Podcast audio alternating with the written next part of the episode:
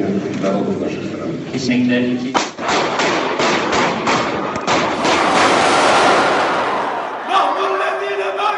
Det der var lyden av skuddene i Ankara. Sånn hørtes det ut da den eh, russiske ambassadøren ble drept eh, da han holdt en tale på et kunstgalleri i den tyrkiske hovedstaden litt før jul. Ja, og da var det mange som skvatt litt. Ehm, det, liksom, det ble snakk om at kan dette være skuddene i Sarajevo 2-0?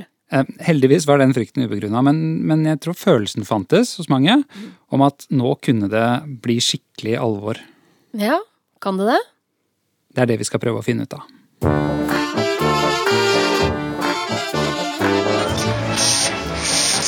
Right now, the world is a mess. Le terrorisme, c'est le fondamentalisme islamiste. 지상대 지상 총장거리 전략한 듯한 Well, Norway will just will have to understand that uh, becoming a far front of NATO, it will uh, face Russia.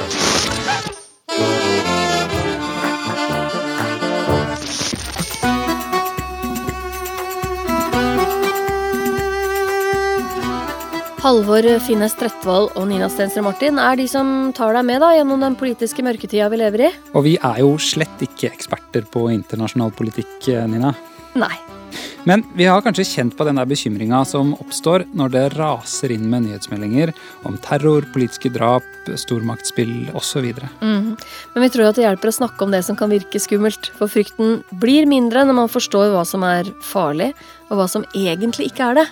Og å prate, det skal vi gjøre nå. Vi skal titte denne mannen, Tyrkias president Recep Tayyip Erdogan, nærmere etter i kortene.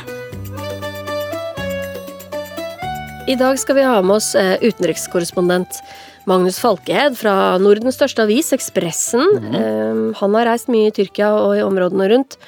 Møtt flyktninger og opposisjonelle, dekka flere terrorangrep og skrevet boka 'I dag skal vi ikke dø'. Etter at han hadde sittet kidnappa i Syria. Vi knepper Magnus inn på tråden litt seinere. For du er allerede her, Joakim Parslov. Hei. Hei. Du forsker på Tyrkias moderne historie. Du, de der sånn ikoniske bildene eh, av det attentatet mot den russiske ambassadøren. Det var mange som snakka om da, og jeg tror jeg kanskje tenkte den tanken sjøl også, at dette var skuddene i Sarajevo for eh, vår tid.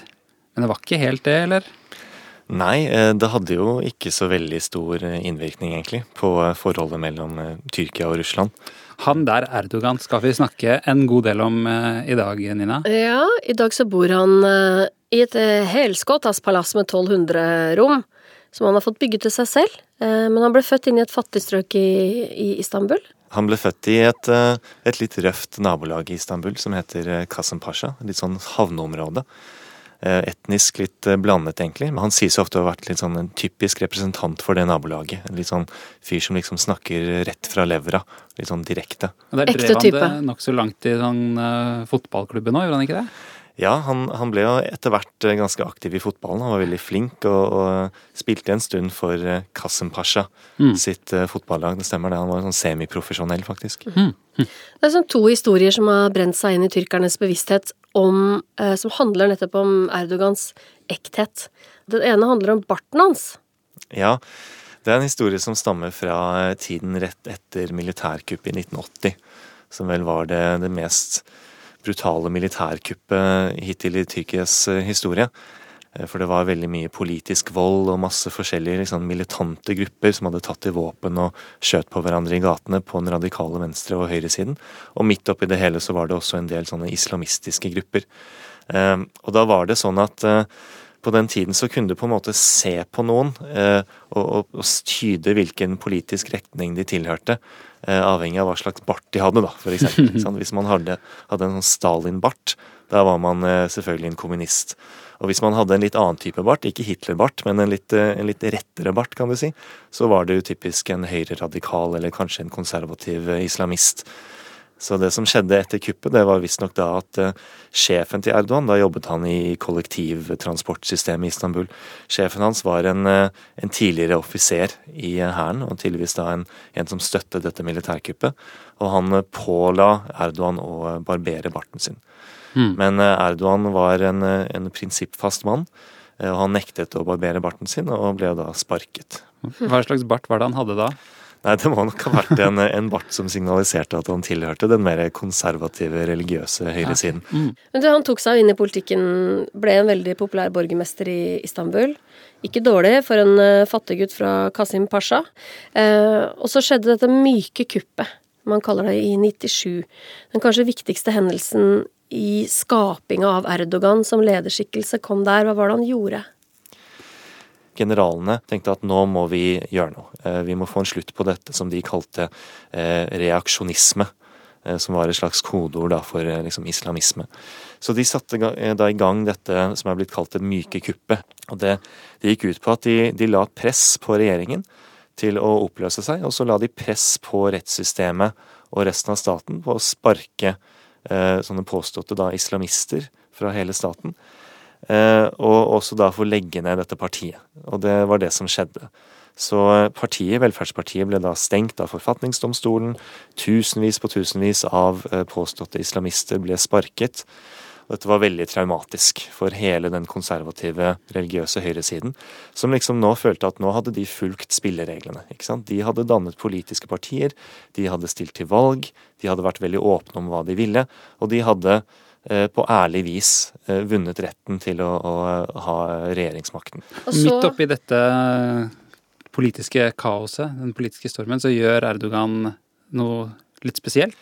Ja, så det som altså skjer når altså partiet hans trues med å bli eh, stengt, så, så eh, dukker han opp på en masse forskjellige tilstelninger og demonstrasjoner og sånn. Og blant annet så, så leser han da opp et dikt som er skrevet av en veldig kjent eh, tyrkisk eh, nasjonalist som het Zia Gökalp.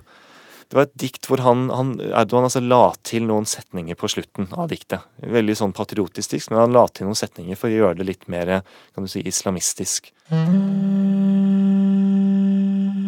Og, og linjene han la til, det var altså at minaretene er våre bajonetter, kuplene er våre hjelmer,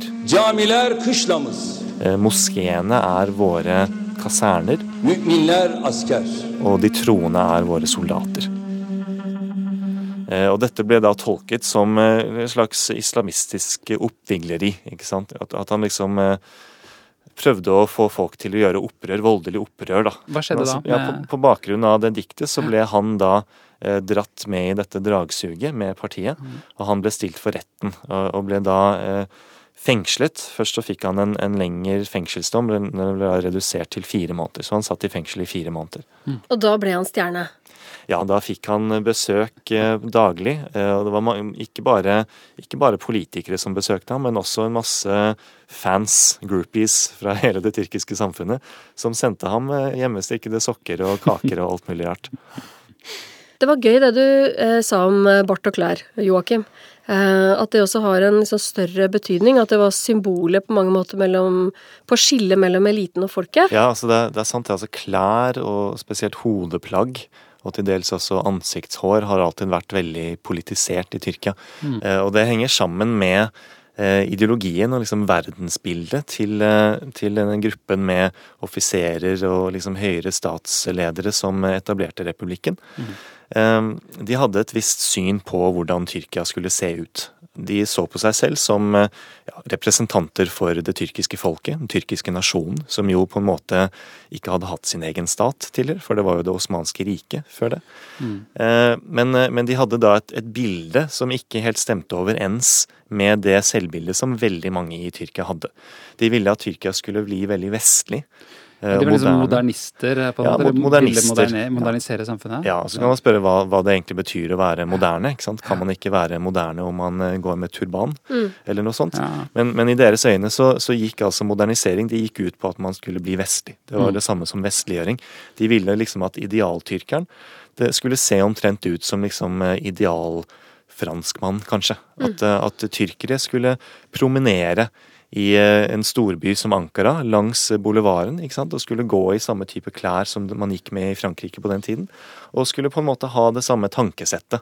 Er det den samme splittelsen vi fortsatt ser i det tyrkiske samfunnet i dag? på, Altså på måte er det det. På er det. Altså. sekularister, om du vil, og, og mer tradisjonelle eller konservative med noe mer religiøst innslag? det, det henger i hvert fall sammen med den splittelsen. Det gjør det. Det henger sammen med den opplevelsen veldig mange tyrkere som følte seg kulturelt og politisk ekskludert av det prosjektet. Men altså, så det da på den ene sida de overbeleste, liberale, vestlig-inspirerte, eh, liksom parisiske, sekulære. Eh, men hvem representerer Erdogan, da? Hva er den andre sida? Eh, Nei, han representerer jo da liksom den, eh, den ærlige, enkle, hardtarbeidende, eh, religiøse, konservative mannen på gata. Det er de han representerer. du har jo forska på mannen en stund, og landet. Tror du på han? Tror du at han er en ærlig representant for, for dem? Jeg tror i hvert fall at han tror det. Og jeg tror at det er veldig mange andre som også mener at han er det. Som kjenner seg igjen i ham som person. Hans lederstil, hans litt sånn tøffe, patriarkalske lederstil. Eh, Men som også da tenker at han er en av oss. Han er en mann av folket. Ledere av det kaliberet, om du vil, som Erdogan eh, har, de eh, har jo kanskje også, noen av de i hvert fall, eh, en slags redsel for å bli styrta.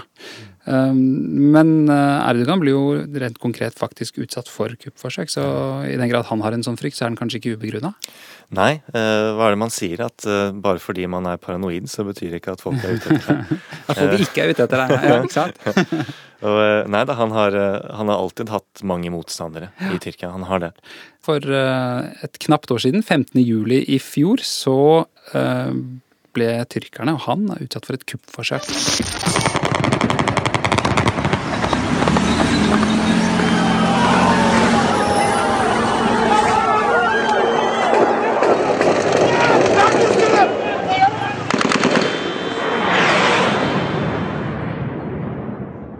Er det nå liksom slått fast og etablert at det var gulenister som eh, hadde noe med dette kuppforsøket i fjor å gjøre? Det er i hvert fall veldig eh, sannsynlig at mange av de involverte var eh, tilhengere av Gulen. Ja. Men, men det kan nok også godt tenkes at mange av dem ikke var det. Okay. Det er nok mm. flere enn en de som eh, hadde motivasjon der for å styrte Erdogan. Men altså, uansett hvem som sto bak det, skal jo gudene vite at eh, Erdogan og hans eh, regime anholder og arresterer nok folk. Eh, hvor mange er det oppe i nå? Ja, nei, De siste tallene jeg har sett nå, er vel eh, i overkant av 100 000 som er blitt eh, anholdt. Og i hvert fall eh, 130 000-140 000 som har mistet jobbene sine. Har de fengsler nok til alle de menneskene? Nei, det har de nok egentlig ikke. I hvert fall ikke. Altså, det er ganske dårlige kår på mange av de fengslene. Det bygges fengsler i, i stor skala.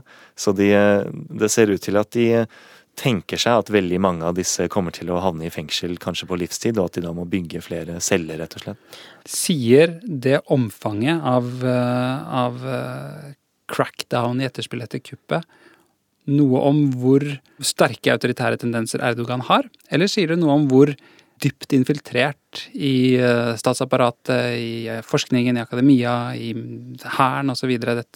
disse kuppmakerne eventuelt var, da? Det er litt begge deler, egentlig. Um, altså, jeg tror ikke kuppmakerne var så dypt infiltrert uh, i hele deler av liksom hele den offentlige sektor, som nå er, er i ferd med å utrenskes. Uh, Gulen-bevegelsen selv uh, fins nok over hele deler av samfunnet. Det er ganske godt kjent at veldig mange forretninger, en del banker, universiteter og sånn, på en måte har tilhørt Gulen-bevegelsen. Eh, Men jeg har veldig liten tro på at størstedelen av bevegelsen liksom har vært med på dette kuppforsøket og planlagt det.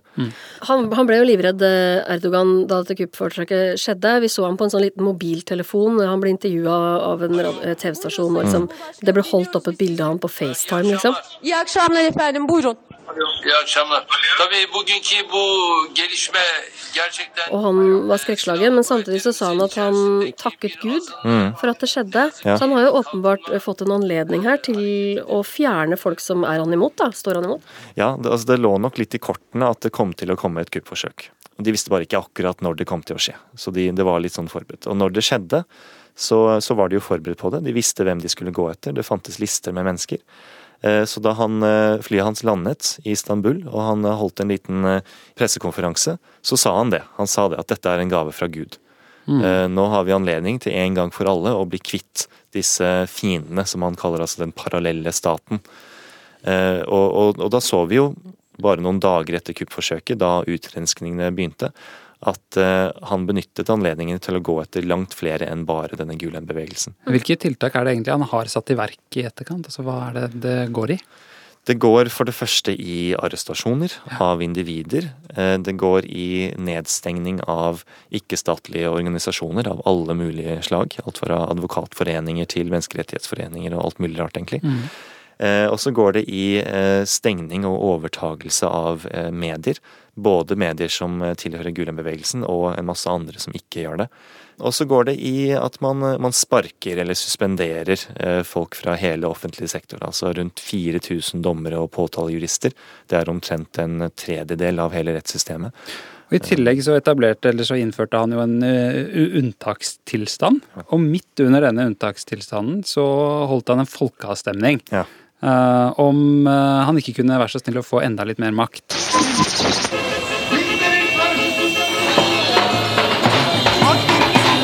Ama, ama bu milletin korkusu varmış. Erdoğan'dan sonra ne yapacağını bilemiyormuş.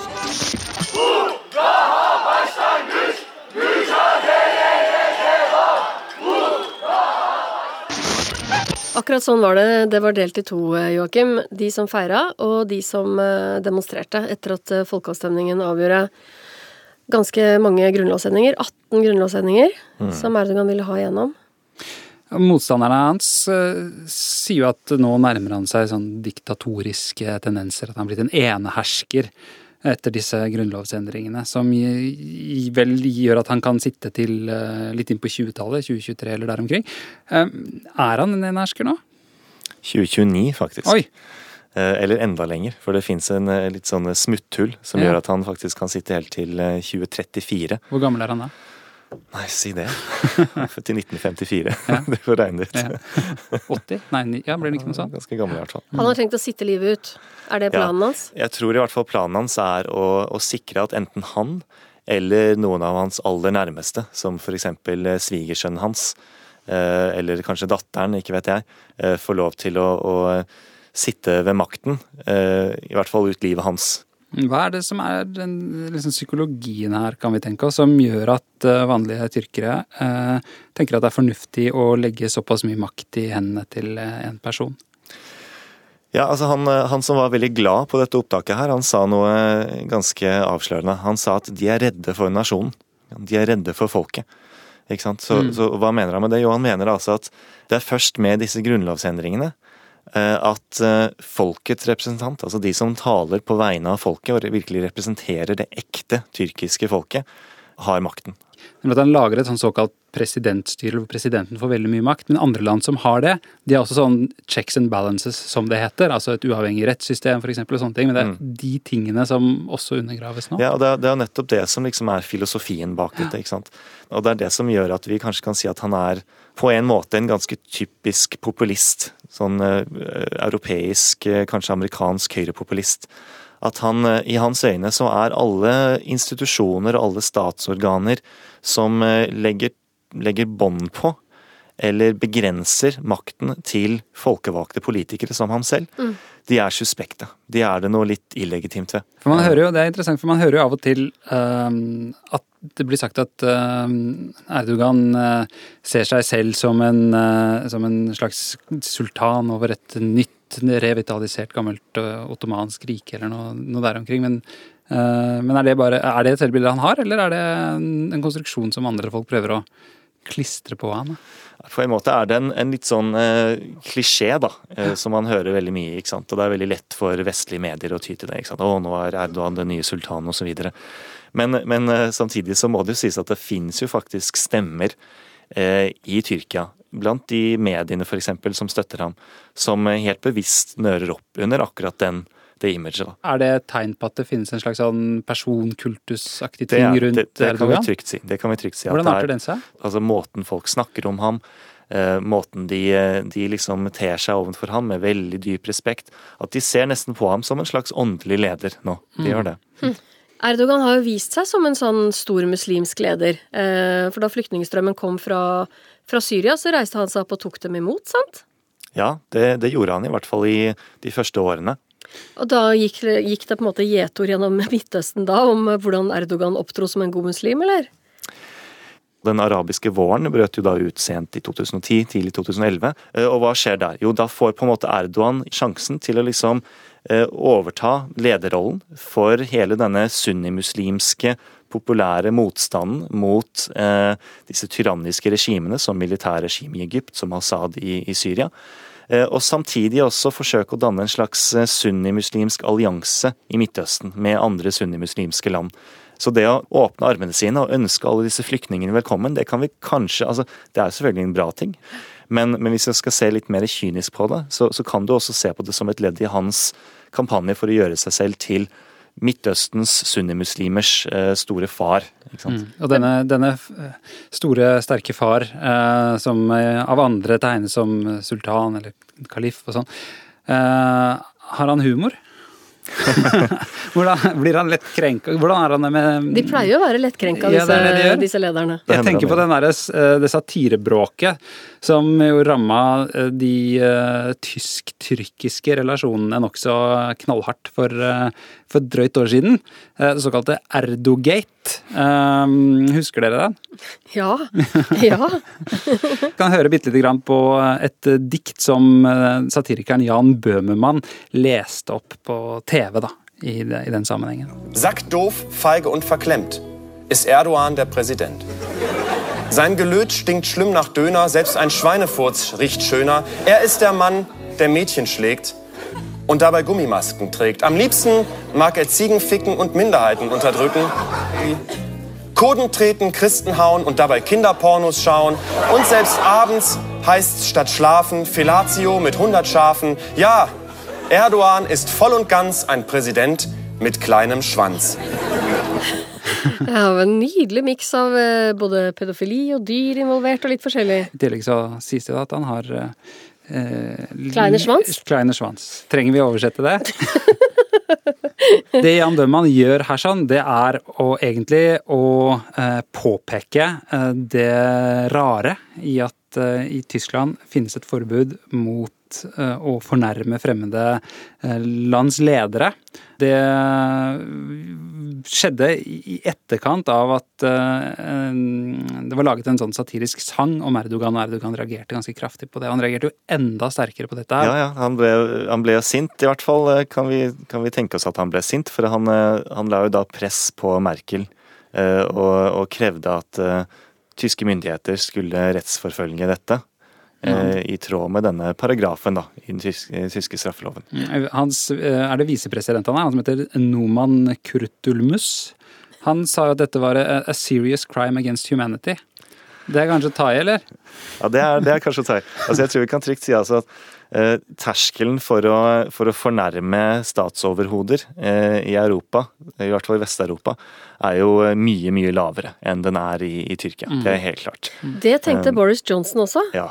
Um, mm, han fulgte jo opp med å ble kåra til den som hadde kommet med den beste, mest krenkende limericken mot Erdogan i eh, kjølvannet av dette. Fordi det var en slags sånn sympatibølge Ja, som ikke sant? Det gikk en sympatibølge i etterkant av det bråket i Tyskland, fordi uh, rundt omkring i, i Vesten, uh, så, og det med god grunn, mener jeg, da, ser man på det å kunne drive gjøn uh, og satire som en viktig del av et, et demokrati. Eh, Boris tweeta There was a young fellow from Ankara who was a terrific wankera till he sowed his wild oats with the help of a goat, but he didn't even stop to thankera. Frekk type. Ja, og dette var før eh, Boris Johnson til sin egen overraskelse ble utenriksminister. Ja. Og hei, hei, så dro han på besøk. Ja. Ja, mm. Ikke sant. Men det ble jo i alle fall øh, spekulert noe i om, om Angela Merkel valgte å faktisk straffeforfølge øh, Bøhmermann fordi hun fryktet at forhandlingene om, om flyktningavtalen som EU og Tyrkia har øh, inngått, skulle da falle fra hverandre. Hva er det sentrale i den avtalen? Eh, avtalen går i all enkelhet ut på at de flyktningene som eh, har tatt seg over med båt, skal eh, hvis, altså, de, Når det kommer nye flyktninger med båt, så skal de sendes tilbake til Tyrkia, slik at de ikke har et insentiv for å ta seg over den veien. Mm. Eh, og for hver av de flyktningene Tyrkia tar tilbake, Mm. så skal Europa eh, i ordnede former eh, ta imot en flyktning fra leirene i Tyrkia. Mm. Og, og finne et sted for dem å bo. Og så I tillegg så er det en del andre ting, f.eks. at da EU skal gi eh, flere milliarder euro i støtte til Tyrkia, sånn at de skal gjøre det lettere for disse flyktningene som befinner seg i Tyrkia.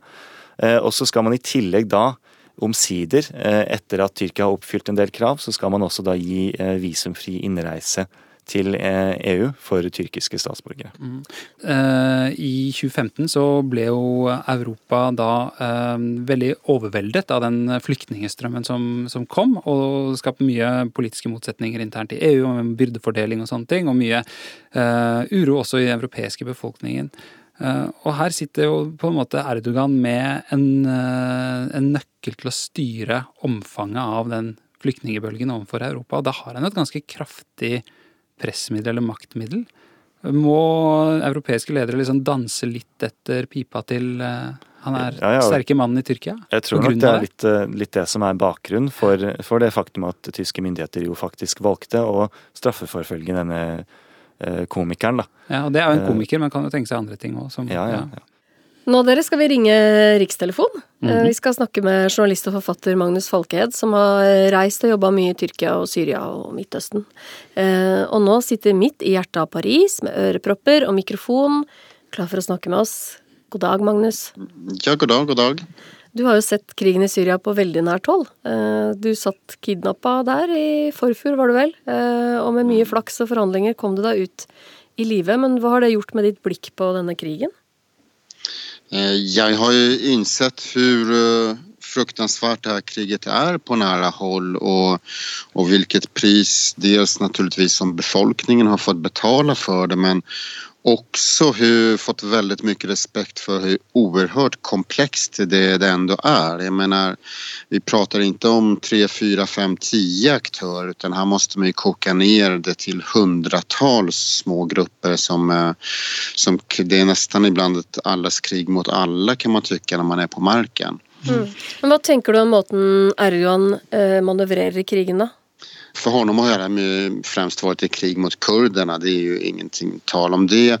Han har liksom gått ner i spagat. Han har försökt spela på flera olika fronter och fått betala ett väldigt dyrt pris för det. Vi ser det i terrorismen när han under lång tid inte var tydlig nog med han, hur han skulle ställa sig till eh, islamisterna helt enkelt och, och Islamiska staten och al-Nusra och de andra grupperna. Eh, och det, det priset har han ju verkligen fått betala och fått göra någon hel, eller åtminstone har hans befolkning fått betala det priset i form av terrorism nu här. Så han har ju verkligen lekt med elden, det har han. Men dere parisere har jo også mye erfaring med at det smeller iblant, eh, Magnus. Hva, Hva, hva gjør det med folk å leve med vissheten om at denne terroren kan ramme deg sjøl eller noen du er glad i når som helst, da? Ja, terrorn har ju varit alldeles extrem nu i Turkiet de sista åren. Det är, egentligen är det förvånande att vi pratar så lite om det för det har ju varit ett ekstremt stort antall attentat och man märker det när man pratar med folk i, eh, i Istanbul till exempel. Det ändrar vardagslivet hos dem nu. Många människor de, de tänker sina rutter till arbetet eller till vänner och så eh, och tar i beaktning var det finns turiststråk, var det finns potentiella terrormål. Det är ungefär som om du skulle gå för, i Oslo från eh, punkt A till punkt B och du först tänkte på nej men då tar jag en omväg för her här, kan det smälla. Då har det gått långt verkligen. Jag ser här i Paris, här bryr sig nästan ingen. Folk går dit de går. Ibland kanske man tänker till lite om man går framför Eiffeltornet eller Louvren att ja, hoppsan kanske det kan bli en bomb här men folk lever sitt liv. I Turkiet har det gått längre än så. Där, eh, där börjar folk verkligen planera sitt liv med terroren som en av faktorene. Eh, Nyttårsaften så, så smalt du en, i Istanbul på en uh, nattklubb, og da kastet du deg på et fly, løp fra nyttårsmiddagen. og Dette lignet jo kanskje litt grann på det angrepet mot eh, Bataclan i Paris også. Men hvorfor er den, den livsstilen, tror du, et mål for terroristene? Altså det mer moderne, urbane utelivet? Ja, jeg tror du, du gjør rett i å gjøre den parallellen med Bataclan For av alle attentat som har rammet Turkiet så var det her det mest bataclanige, kan man säga. Just en attack mot en livsstil. Og der fick, jeg også också med de mennesker jeg pratet med at det var ikke bare den her skrekken og frukten mot de her eh, islamisterna som låg bakom om nu uzbeker eller vad det var. Utan det fanns också en väldigt tyst och stark vrede mot man kan säga det här konservativa Turkiet som eh, på något sätt nästan, jag skulle inte säga ursäktade attentatet men hade viglat upp till en sorts stämning som var väl, det hade varit debatter tidigare om att det var hem, att inte skulle man fira nyår och att det här var ett västerländskt påhitt och kring julafton och sånt där också. Mm. Man märker att det finns en sorts eh, lågintensiv, eh, om man ska ta hårda ord, lågintensiv gatuterrorism alltså i form av folk som känner nu med Erdogan och den här konservativa vågen att de på något sätt har en gudomlig rätt på sin sida att stå och skrika åt unga jäntor som inte bär slöjor, att vara väldigt aggressiva i sitt sätt. Och det är någonting som är minst lika viktigt for för folk som bor där som den här terrorvågen. Det kan vara så enkla saker som att till exempel, jag på vad en flicka berättade när jag var nere for för några månader sedan också, eller innan det här attentatet, att hon pekade på en av de här bilarna de åkte, unga människor åkte med flaggor, de här röda, rödvita turkiska flaggorna. De åkte förbi rätt lys och kände, hon sa att de där de känner att de har all rätt idag. Ja minsann, om jag går här så kommer de skrika på mig för att jag är klädd som jag är västerländskt och så men de där de har all rätt idag.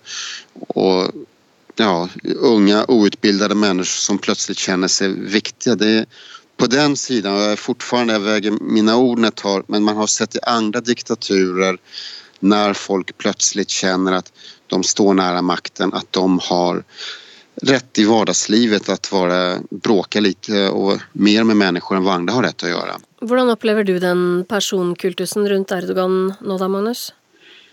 Det är ju nästan lite skrämmande. Dels kan man se den som, bara som en personkult eh, i typ Putin-stil där man eh, naturligtvis visar upp hans porträtt och så men det har gått lite längre än så. För många är han nästan en halvgud nu och en sorts eh, verkligen sultan och han tvekar ju inte sj- själv att eh, ha referenser till Turkiets historia och, och sultanat och så. så där har det blivit noe nästan irrationellt ibland i den här personkulten.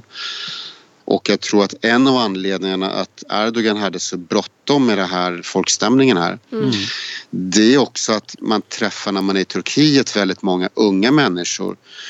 Och de har vuxit upp med Erdogan, de har inte sett något annat än Erdogan. Och vi ska inte glömma att det var så som den arabiska våren började. Bland ungdomar som hade vuxit upp med en under en stark mans stövel och aldrig sett något annat och var ganska trötta på det. Da kan jeg fortelle deg, Magnus, at uh, her i Oslo sitter uh, Tyrkia-ekspert Joakim Parslov og nikker veldig ivrig når du sier dette. Ja, ja. Du, Vi håper at du ikke må kaste deg på et fly uh, med det første eh, igjen Det til Tyrkia. Det hoppas jag med. ha en fin dag i Paris. Takk, jeg. Ja, Hva tenkte du da du satt og nikka, Joakim, til det Magnus Falkhed sa om eh, de unge i Tyrkia som vokser opp under Erdogans støvel? Nei, jeg tenker at det, det kan nok være en mye av bakgrunnen for uh, denne økende misnøyen uh, vi ser med Erdogan og, og partiet hans. Uh, At det kan være litt av grunnen til at, eh, at støtten ved valgene sakte, men sikkert daler litt nå.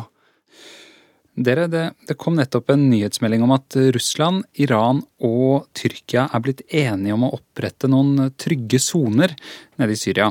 Um, Hva slags avtale er egentlig det? da? Det vi har hørt, er at det altså er snakk om at man skal eh, opprette fire sånn trygge sikkerhetssoner. Og så er det da, som du sier, Tyrkia, Russland og Iran som skal stå for eh, eh, å garantere disse sonene. Hvor er USA i det bildet der? Jeg skjønner ikke. Er de spilt utover sidelinjen? USA er jo da først og fremst opptatt av å nedkjempe den såkalte islamske staten, eller Mm. Daesh. ikke sant? Det er derfor de er, er der inne. Og som et ledd i den kampen, så har de også vært inne og litt eh, dulgt støttet noen av disse eh, mange sunnimuslimske militante gruppene, men så har de også samtidig eh, gitt mye støtte til disse, kurdiske militante gruppene. De siste dagene så har de med brask og bram kjørt inn og liksom stilt seg opp mellom kurderne og de tyrkiske og tyrkisk støttede styrkene. Nettopp for å liksom signalisere at her må dere ikke gå videre. Og det, Grunnen til det er at tyrkiske fly gikk inn og bombet noen, eh, noen kurdiske militærleire eh, i Syria for, eh, ja, bare i forrige uke. Og det henger jo da selvfølgelig sammen med at Erdogan, tyrkiske myndigheter, ikke ønsker at disse kurdiske enklavene skal oppnå full autonomi, fordi de anser dem for å være en forlengelse av den kurdiske marxistiske geriljaen PKK i Tyrkia. Kan vi lese det sånn at dette er egentlig Erdogans hovedprioritering i denne krigen? Det er å få has på disse kurderne? Det er i hvert fall eh, Ja, jeg, vil tro at det er hans første prioritet akkurat nå. Eh, Mm. Da han gikk inn og liksom stilte seg opp med sine styrker mellom to av disse kurdiske enklavene, eh, så sa han at han gjorde det for å slå eh, den islamske staten tilbake fra grensen. Men idet han gjorde det, så opprettet han jo også en eh, buffersone Mm. mellom to av disse kurdiske enklavene. Og siden det så har han jo da også eh, gått i angrep på dem. Jeg så noen bilder her om dagen av eh, amerikanske styrker som, eh, som ruller med kurderne i, i nord i Syria. Det tror jeg er første gang i verdenshistorien at en Skam-referanse har kommet inn i sånn utenriksnerding. Ja, ja, um, men det, de bildene de kan jo ikke Erdogan ha likt å se så godt. Nei, eh, overhodet ikke. Og nå er det jo også da talspersoner for eh, Erdogans regjering som også har snakket til media, bl.a. i Kina. Og, og litt sånn indirekte truet eh, amerikanske styrker og sier at hvis dere fortsetter med dette her, så, så må dere ikke bli overrasket om dere også blir rammet av våre bomber. Og Tyrkia er jo Nato-medlem. Ja. Um, Ja, du må fnise litt. For at det er jo liksom Ja, men hva slags Nato-medlem er de i denne suppa? Nei, altså de, altså, de er jo et eh, Nato-medlem, og Tyrkia har Natos nest største hær. eh, Så det er et veldig viktig Nato-medlem. eh, Både av, av rent militære grunner, men også av liksom geostrategiske grunner. Pga. Mm. hvor de er og alle landene de grenser mot. Mm. Så, så Tyrkia er viktig for Nato. Eh, Og jeg tror nok på mange måter også Nato er viktig for Tyrkia. Men her er vi altså, som vi ser nå, inne i en veldig kompleks konflikt. Hvor eh, det er mange som vedder på forskjellige hester, fordi eh, min fiendes fiende kanskje ikke er min beste venn, men i hvert fall ikke min fiende. Mm. Så Tyrkia med Erdogan snakker masse med Putin, og hans eh, protesjer truer i kinesiske medier med kanskje dere amerikanere her på Mm. andre siden av grensen er i fare. Skitt pommes frites. Mm, vi sender en eh, varm tanke til Jens Stoltenberg Ja. i dette øyeblikk. Vi spør alle som er innom eh, mørketid, hva som er liksom det mest oppløftende de ser. Hva som er solglimtet, lys i tunnelen, håp om en bedre morgendag. Hva er ditt håp for Tyrkia, Joakim? Altså Håpet tror jeg ligger nok i opposisjon. Det ligger i eh, dette vi har snakket om, om at eh, det store overtaket eh, Erdogan som regel har hatt ved valgurnen, eh, ser ut til å være i ferd med å glippe. Eh, men samtidig avhenger alt av at opposisjonen klarer å organisere seg. Mm. Så du kan si det er en sjanse der, men spørsmålet er om man griper den sjansen. Hver gang vi spør om noen har håp, Halvor, Mm. så, så sier de ja, det er håp, og så, og så blir det litt komplisert likevel. Ja. Og nå har vi bare snakket om Tyrkia. Det, for Syrias del, er det noe håp der, da? Nei, det, det vet jeg ikke. Det er, eh, det er vanskelig å si.